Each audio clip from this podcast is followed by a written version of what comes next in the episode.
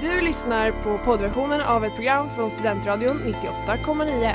Alla våra program hittar du på studentradion.com eller där poddar finns. Av upphovsrättsliga skäl är musiken förkortad. Vi har det så lugnt och skönt här i Stockholm. Ja, stockholmare är smartare än lantisar. Stockholmare tror att en lägenhet kan vara värd 43 000 kronor kvadraten. Tycker att det är okej att köa en timme för att komma in på en krog där ölen kostar 60 spänn och tycker att det är rimligt att en latte kostar 40. Är vi intelligentare så är vi jävligt bra på att dölja det alla fall. Vad gjorde Fabbe för något då? Fabbe? Farsa då? Hajar inte ditt eget modersmål va? Radio Holmensis, ett program av Stockholms nation på Studentradion 98,9. Ja, varmt, varmt välkomna till åter ett nytt avsnitt av Radio Holmiensis här på Studentradion 98,9. Det är oktober, det har blivit kallare ute, men här står vi i Radio Holmiensis återigen redo för att ta er igenom ett nytt avsnitt. I denna veckas avsnitt så är det endast jag, Oskar Angestav, som kommer att delta då min kompanjon Theo har eh, testat PCR. Så vi hoppas ju såklart på ett negativt provresultat, men därför så är han inte med den här veckan. I denna veckas radioprogram av Radio Holmensis på Studentradion 98,9 ska vi prata om en man. En man som kommit att påverka och utveckla musiken markant under 1900-talet. En man som kommit att väljas in i Rock'n'Roll Hall of Fame vid två tillfällen och tilldelats Polarpriset. En man som erhållit kvitton på sin framgång och betydelse genom att ha blivit utsedd av tidningen Time till en av de hundra personer som främst formade 1900-talet. Som av tidningen Rolling Stone blivit utsedd till den sjunde främste låtskrivaren genom tiderna och som år 2007 tilldelades Gershwin-priset av USAs kongressbibliotek för sitt livstida bidrag till populärmusiken. Den här mannen har varit aktiv i över sex årtionden, vunnit 16 Grammy-utmärkelser och anses vara en av de största och mest hyllade låtskrivarna i amerikansk historia. Men framförallt idag, den 13 oktober år 2021, när detta radioprogram förinspelas, så markerar även dagen för när denna man fyller 80 år. Det här är helt enkelt en ikon, en legend, en pionjär, en man med otroligt många strängar på sin lyra. Det här är även en man som vi i Radio Holmensis uppskattar väldigt mycket och som jag personligen har lyssnat enormt mycket på under mina år. Det är därför som Radio Holmensis ser det som en självklarhet och ära att få hylla den här mannen. För utan honom hade musikhistorien varit fattigare. Ni har förmodligen redan listat ut och förstått vem denna man är vid detta lag. Men vi håller på namnet en liten, liten stund till. För som ni säkert vet Now the years are rolling by me, they are rocking evenly, and I'm older than I once was, and younger than I'll be, but that's not unusual. Now isn't it strange? After changes upon changes, we are more or less the same. After changes, we are more or less the same.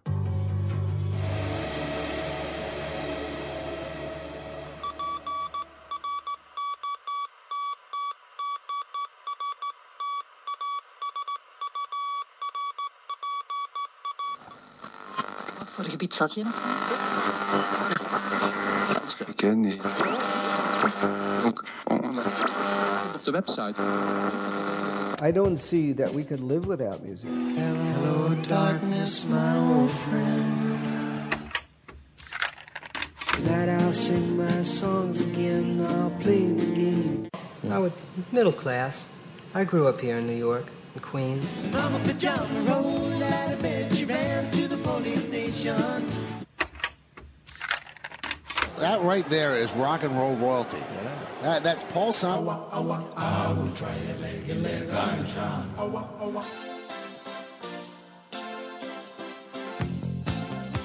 Did I learn to play some lead guitar? I was underage in this funky bar.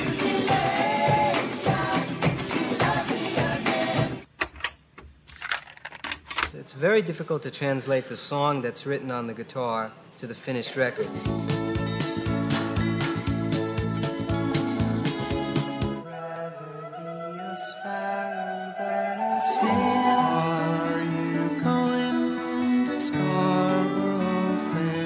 ship they called Mayflower. I dedicate this song to my fellow New Yorkers.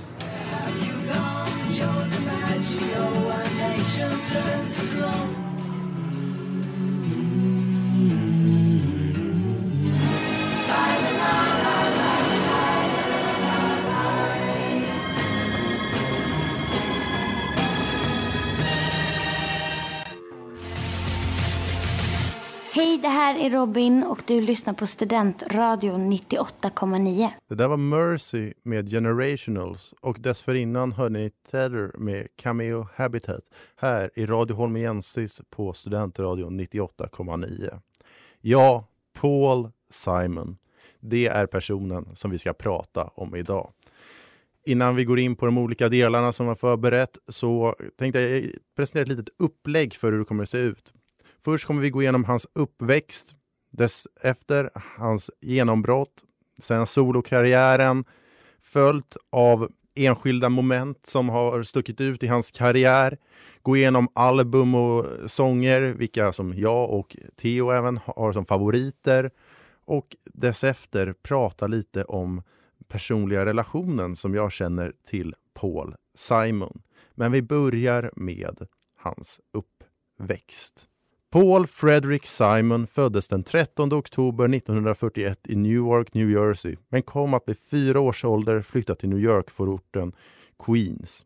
Hans far, Louis, var en collegeprofessor som även uppträdde inom musiken under namnet Lee Sims, medan hans mor Bell var en grundskolelärare. Även om hans far inte alltid var närvarande under hans uppväxt, till följd av att fadern kunde komma hem klockan två på natten efter en sen spelning, så har Simon huvudsakligen positiva minnen och bilder av sin far. Det var även hans far som gav Simon hans första gitarr i livet, vilket i efterhand kan ses som starten på en livslång kärlek till musik och musikaliskt utövande. Simon har beskrivit sin uppväxt som I was a ball player.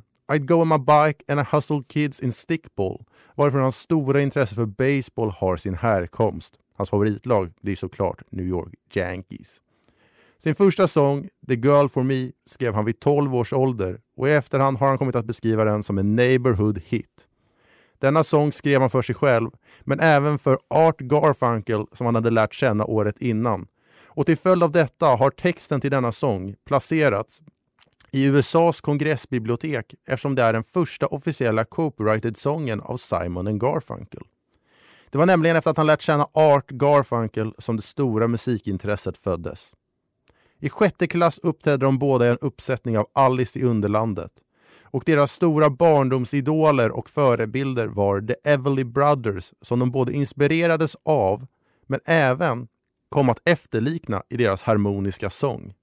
Jazz, folkmusik och blues var de första musikintressena som Simon kom att utveckla.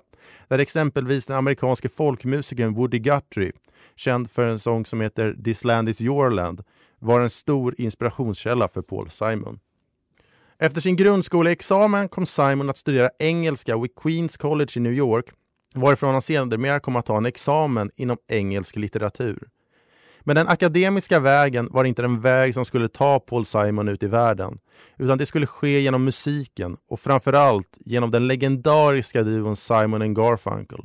Det ska dock noteras att duon, från en början, gick under artistnamnet Tom and Jerry eftersom de blivit tilldelade det namnet av sitt skivbolag Big Records.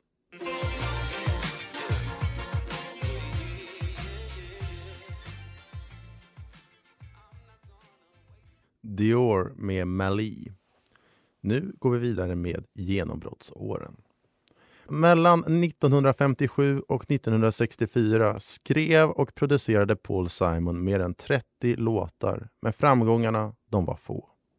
Ofta skrev han under olika synonymer, exempelvis Jerry Landis eller Paul Kane. Och vid flertalet tillfällen släpptes låtarna antingen av honom själv eller tillsammans med en annan artist. Det kunde även vara så att vid enstaka tillfällen var även Art Garfunkel delaktig. Hur som helst, år 1964 kom Paul Simon och Art Garfunkel att få en audition hos Columbia Records och möjligheten att få spela in ett album. Det är även här som den legendariska duon byter artistnamn från Tom och Jerry till Simon and Garfunkel främst beroende på att skivbolaget Columbia Records önskade det. I efterhand har Simon beskrivit detta som att det var den första gången som artisters efternamn hade använts i populärmusikaliska sammanhang utan att förnamnen användes eller nämndes. Albumet kom att släppas under namnet Wednesday Morning 3 AM men framgången dröjde och albumet floppade rejält. Efter denna enorma missräkning lämnade Paul Simon USA och flyttade till Storbritannien och England och började sedermera producera och skriva sånger åt andra artister. Emellertid kom dock Simon att tvingas återvända till USA. Huvudsakligen till följd av att en viss särskild, ja verkligen särskild sång på albumet Wednesday Morning 3 AM hade börjat få spridning i USA. Det var nämligen så att det hade börjat hagla in efterfrågningar till amerikanska radiostationer om att få spela och höra den där sista sången på den första sidan av albumet Wednesday Morning 3 AM. Denna sång, som är en av de mest klassiska och mest kända sångerna under 1900-talet, utan att överdriva eller ta det här till någon överdrift, var Sound of Silence. Sound of Silence kom att klättra till första platsen på Billboardlistan, vilket och emellertid förskräckte Paul Simon en del eftersom det kommit fram till honom att Simon Garfunkels producent Tom Wilson hade mixat originalversionen genom att förstärka den med ljud från elgitarr, bas samt trummor. Han såg det som att hans originalsång hade vanärats för att Paul Simon är en ordentlig perfektionist och har så alltid varit. Om man ska prata om de senare åren så kan man nämna att han har enorma uppsättningar musiker med sig för att kunna få till det perfekta soundet som han verkligen vill ha. Men efter denna enorma framgång kom duon att släppa ytterligare fyra album. Sound of Silence, Sage, Parsmelly, Rosemary and Thyme, Bookends och Bridge over Troubled Water. Den största framgången i dessa album går att återfinna i släppet av deras sista album som duo. Bridge over Troubled Water som innehåller flera av bandets mest kända sånger. Vi snackar Bridge over Troubled Water, The Boxer etc. Efter släppet av detta album kom båda att fokusera mer på sina solokarriärer men de har återförenats flertalet gånger efteråt, var i den mest kända gången förmodligen är år 1981 och gratiskonserten i Central Park i New York som lockade hela 500 000 åskådare, vilken kommer att berättas mer om senare i programmet. Gott folk, gott folk, gott folk. Det här är Timbuktu och ni lyssnar på Studentradion 98,9. Skruva upp volymen. Working for the Knife med Mitski här i Radio Holmiensis på Studentradion 98,9. Nu fortsätter vi med solokarriären och den är lång och mångfacetterad. När Simon Garfunkels sista succéalbum Bridge over Troubled Water hade släppts valde de båda att inleda och fokusera mer på sina soloäventyr. Paul Simons solokarriär går egentligen att sammanfatta med ett ord, kritikerrosat. Det sträcker sig över flertalet decennier och har innefattat egna albumsläpp, samarbete med andra artister samt flertalet tillfälliga återföreningar med Art Garfunkel. Han har inspirerats av musikstilar och musikkulturer från olika länder och världsdelar. Hans mest hyllade soloalbum, Graceland, spelades exempelvis in i Sydafrika där lokala artister var en del av ensemblen som utgjorde det unika soundet som formade albumet. Graceland såldes i över 16 miljoner exemplar världen över. Belönades med en Grammy för årets album år 1987 samt har erhållit en status av USAs nationella inspelningsregister som ett kulturellt och historiskt viktigt album. Det är ett erkännande, minst sagt. Det ska även tilläggas att Graceland fyllde en samhällsroll på en global nivå till följd av att albumet verkade som en ögonöppnare för sydafrikansk musik och kultur. På förhand sågs inspelningen av Graceland som ytterst kontroversiell. Det berodde på att det rådde en kulturell bojkott av Sydafrika som en konsekvens av den dåvarande rådande apartheidregimen. Ghanas dåvarande FN-ambassadör James Victor Gebo uttryckte det här som att When Paul Simon goes to South Africa, Paul Simon bows to apartheid. He lives in designated hotels for whites. He spends money the way whites have made it possible to spend money there. The money he spends goes to look after white society, not to the townships. FN placerade till och med Paul Simon tillfälligt på sin bojkottlista som en följd av att han hade besökt Sydafrika i ett kulturellt syfte. Det rådde ju en kulturell bojkott. Emellertid förändrades dock denna syn på Graceland främst som en konsekvens av att albumet inte fungerade som ett hyllningsalbum till apartheidregimen utan snarare visade upp den musikkultur som existerade bland förtryckta och marginaliserade sydafrikaner. Därav de oerhörda hyllningar som albumet erhållit i den efterföljande historien. I innehållslistan i Graceland återfinns dessutom Paul Simons kanske enskilt största solosång och soloframgång, nämligen sången You can call me Al. Den sången har erhållit en ikonisk status, vilket har påverkats av den medföljande musikvideon som spelades in och släpptes i relation till sången. I denna humoristiska video återfinns skådespelaren Chevy Chase som mimade sångens text medan Simon satt tyst bredvid och spelade olika instrument. Jamaica och Brasilien är ytterligare två andra länder vars musikstil och musikkultur fungerat som en inspirationskälla i Simons fortsatta musikaliska utveckling. Det finns ju, framförallt under hans solokarriär, stora inspirationer av reggae som syns och går igenom de sånger som han har producerat. Något som även ska läggas till i beskrivningen av Paul Simon är hans filantropiska bidrag till historien. Han har alltid varit en förespråkare för musikundervisning för barn i skolan och har till och med hållit auditions och workshops för ungdomar i sångskrivande. Han är hedersledamot i organisationen Little Kids Rock, vilket är en non-profit organisation som tillhandahåller gratis musikinstrument och musiklektioner för barn i kommunala och allmänna skolor i USA. Han har spelat på många välgörenhetskonserter där de intäkter som han har inbringat till konserten har skänkts till olika ändamål. Exempel på detta är olika forskningsinstitut, naturkonservatorier eller fängslade barn i Sydafrika. Det ska även tilläggas att han tillsammans med Dr. Irvin Redlener grundade på 80-talet Children's Health Fund som har som huvudsyfte att erbjuda särskilt utrustade bussar som ska kunna erbjuda sjukvård till obemedlade och nödställda barn och ungdomar i socioekonomiskt utsatta områden med undermålig tillgång till sjukvård i såväl stadsbygd som på landsbygd. År 1990 valdes duon Simon Garfunkel in i Rock and Roll Hall of Fame och under deras tacktal så tackade Garfunkel Simon för att han hade berikat hans liv. Vilket Simon svarade på genom att säga att de nästan inte kom överens om något överhuvudtaget. Men att det var sant att han hade berikat Garfunkels liv en hel del.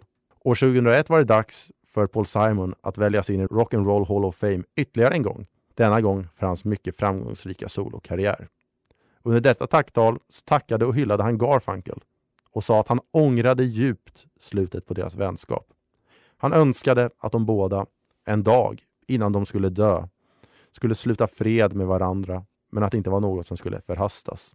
För konflikter, de har funnits mellan de båda. Redan under de tidiga åren som Simon och Garfunkel hade en rivalitet vuxit fram mellan de båda.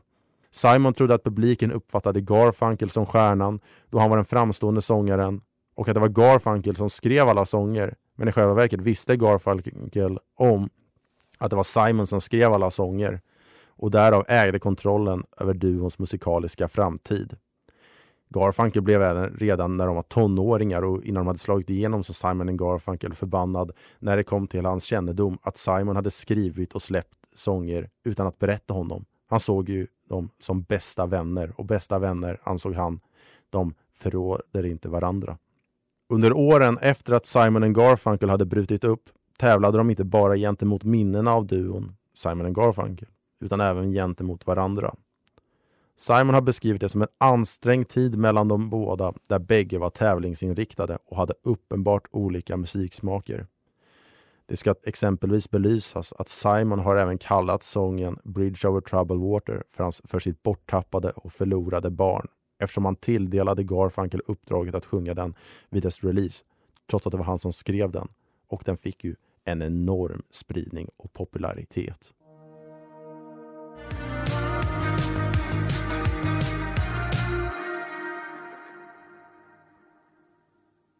Tusen år av regn med Lilla London. Nu går vi vidare med enskilda viktiga och utmärkande händelser i Paul Simons karriär. Och Det finns många att välja mellan, men det här programmet har fastnat vid Central Park 1981. That was really indescribable and we were both nervous. There is something powerful about thousands and thousands of people responding in the same way that intensifies the emotion. Dessa var orden som Paul Simon yttrade när han i samband med att han skulle motta Polarpriset i Stockholm år 2012 fick frågan om hur han såg tillbaka på den där kvällen i Central Park lördagen den 19 september 1981. Det var nämligen en historisk kväll och viktig markör i Paul Simons karriär. Simon Garfunkel hade beslutat sig för en återförening som skulle inledas med en gratiskonsert i New Yorks hjärta, Central Park, och som den skulle mottas av publiken när hela 500 000 personer dök upp för att beskåda återföreningen. Den främsta anledningen till att folk gick man ur huse för att närvara i Central Park återfinns förmodligen i faktorn att både Paul Simon och Art Garfunkel hade sina rötter i New York och båda hade gått i skola i Queens. De båda hade alltid varit en del av New York, till skillnad från de andra artister som hade lämnat staden i syfte för andra livsstilar och livsmål. New York och dess stadsform och kulturella varietet var faktorer som inspirerade de båda i deras sånger och som de även skrev och sjöng om i deras sånger. Lokala myndigheter hade på förhand beräknat att cirka 300 000 människor skulle närvara vid konserten. Men trots att det regnade under hela dagen fram till konsertens inledning befann sig 500 000 människor på plats, vilket vid denna tidpunkt gjorde konserten till en konsert som hade haft sjunde mest publik i USAs historia. På förhand när de skulle återförenas denna kväll så var det lokala myndigheter som föreslog det här för Paul Simon. Och han tog den förfrågan med ro. Han tyckte det var en kul grej och kontaktade då sin gamla radarpartner Art Garfunkel som för denna tidpunkt befann sig i Schweiz. Men när han fick beskedet, om att, eller förfrågan om att ja, ska vi inte återförenas i Central Park och spela den här konserten, då flög han omedelbart tillbaka till New York och var en del i planeringen. Under konserten sjöng de 21 sånger. 10 från deras gemensamma tid som Simon and Garfunkel, 8 från Paul Simons solokarriär, en från Art Garfunkels solokarriär, en cover på Wake Up Little Susie av deras barndomsidoler och barndomsförebilder The Everly Brothers och en medleyversion av Chuck Berrys Maybelline som inkorporerades i Paul Simons eh, solosång, eller från hans solokarriär, eh, Coda Chrome. Och konserten var en livlig historia. Publiken jublade stort när duon under Sound of Silence sjöng de bevingade orden And in the naked light I saw 10,000 people, maybe more. Simon tackade personerna som sålde Mariana för att de gav staden, läs New York, hälften av sin inkomst under kvällen och en person sprang upp på scenen och skrek till Simon att han behövde prata med honom innan han blev bortplockad av säkerhetspersonal. Efter konserten var de båda missnöjda med sin insats. Garfunkel ansåg exempelvis att han hade sjungit mycket undermåligt medan varken någon av dem hade insett vilken magnitud som konserten hade haft. Den var överallt, på television, i tidningar och på nyheterna. Den hyllades som en av de främsta konserter. En som på ett levande sätt hade återerövrat en annan tid. En tid där välskrivna popsånger hade en inneboende mening som sträckte sig utanför den musikaliska sfären och in i det kulturella och politiska riket. I efterhand släpptes konserten både som ett samlingsalbum och som film och båda formaten har sålts i multum världen över.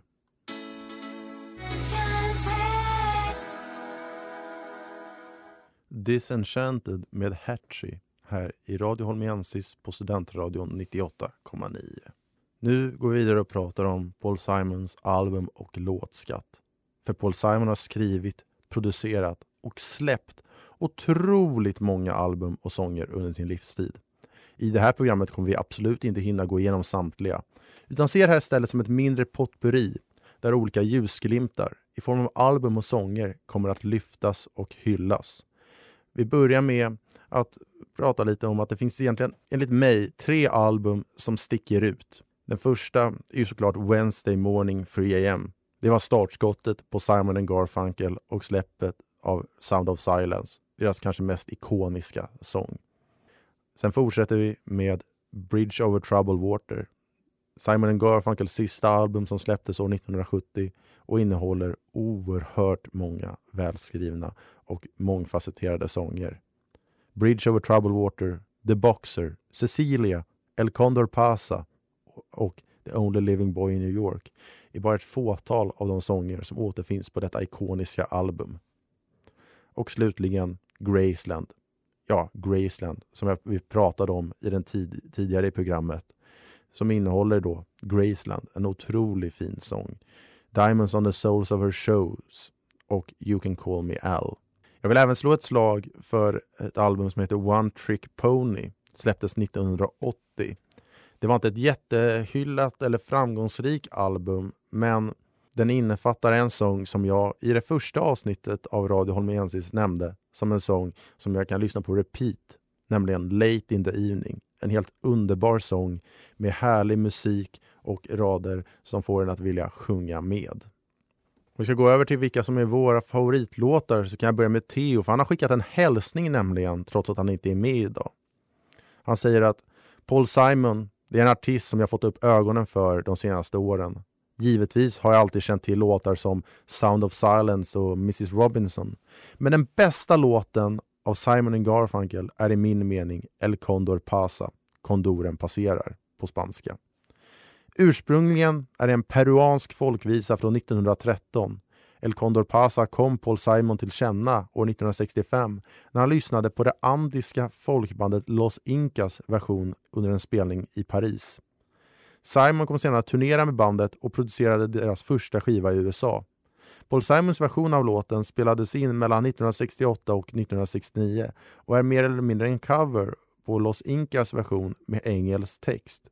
Låten användes som ledmotiv i filmen Wild från 2014 med Reese Witherspoon i huvudrollen. Det var så jag upptäckte den. En otroligt fin melodi med en harmonisk flöjtslinga i bakgrunden. Magisk. Om jag personligen skulle få frågan om, jag, om att tvingas välja en enda sång från Paul Simons karriär som jag bara skulle få lyssna på så är det oerhört svårt val för mig att fatta. För den bredd som Simons karriär innefattar har verkligen erbjudit en mångfacetterad blandning av olika stilar och kulturer. Men jag kan ändå försöka ge den frågan ett ärligt och riktigt svar. För även om jag gillar, och verkligen då gillar och uppskattar sånger som Sound of Silence, America, Homeward Bound eller Late in the Evening, något oerhört, så måste jag ändå välja The Boxer från Bridge over Troubled Water-plattan.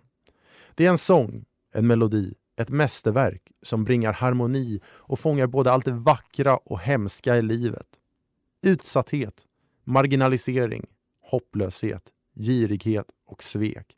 Men samtidigt även en glöd, en kraft och en vilja om att aldrig, aldrig ge upp även fast livet inte har blivit vad du önskat.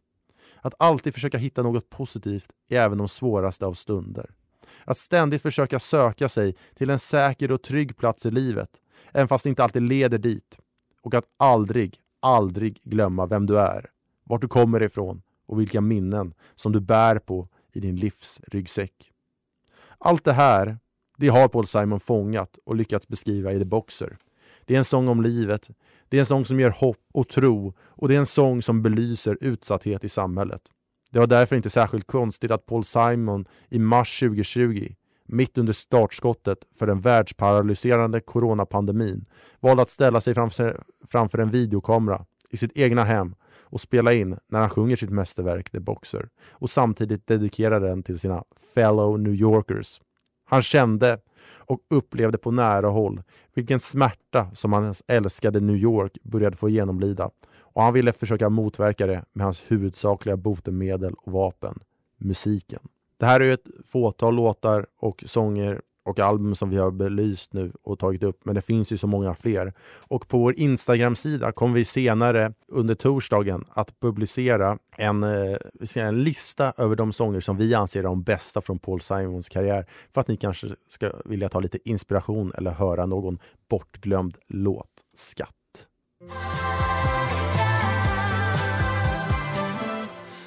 Jag heter Håkan Juholt, med ordförande för Socialdemokraterna. Jag hoppas att du inte missar Studentradions sändningar 98,9. Lyssna på den, du lär dig alltid någonting. Highway 1 med Coney Mara här i Radio Holmiensis på Studentradion 98,9. Vi börjar närma oss slutet av dagens program och det är väl mest värdiga sättet att få avsluta det på är att prata om hur jag själv ser på Paul Simon. För när jag tänker på hur jag själv ser på Paul Simon så skulle jag vilja återvända till några av de ord som användes av musikern och gitarristen Georg Jojje Wadenius som han använde sig av när han skulle läsa upp Paul Simons nominering för Polarpriset år 2012. Han sa det är inte rättvist att ge Paul Simon Polarpriset endast en gång.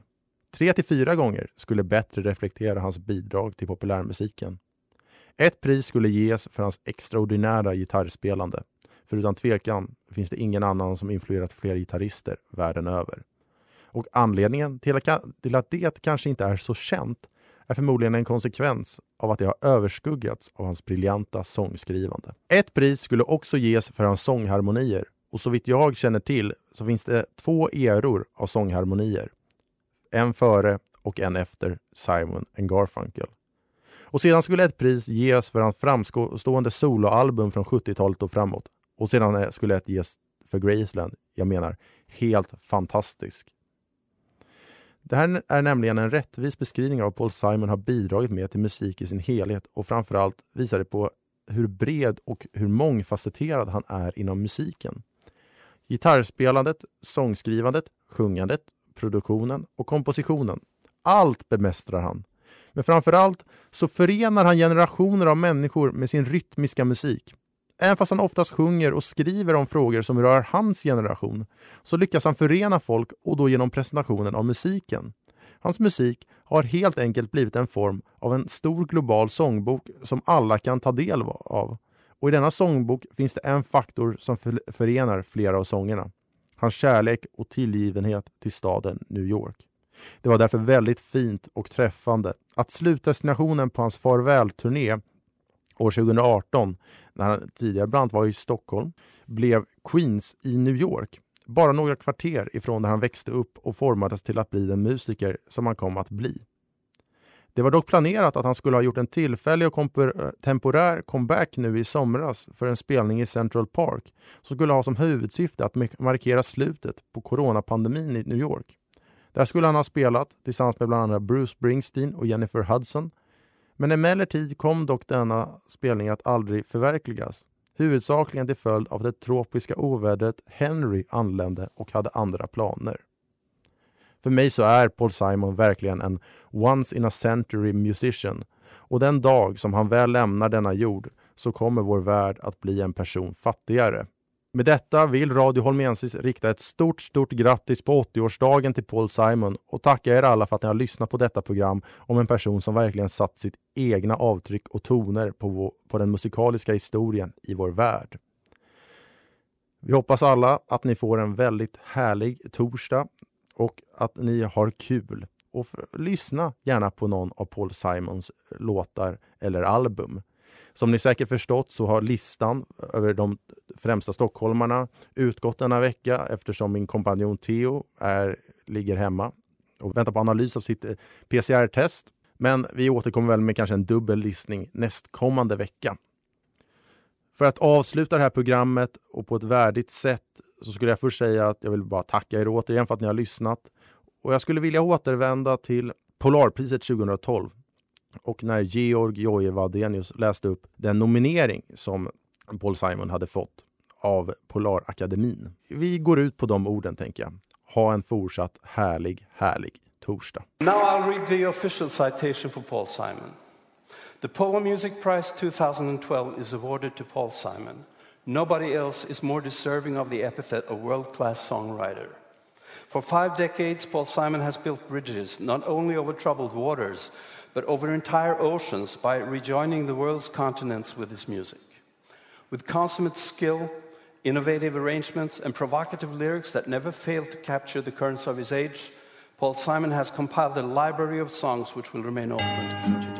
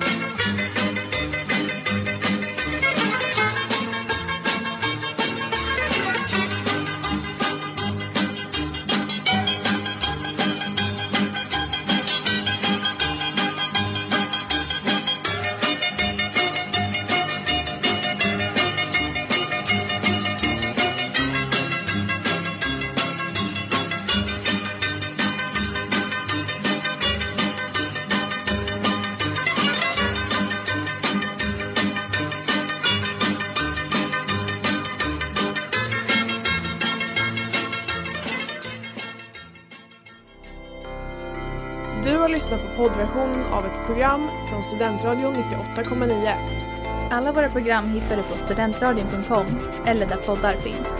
Och kom ihåg, att lyssna fritt är stort, att lyssna rätt är större.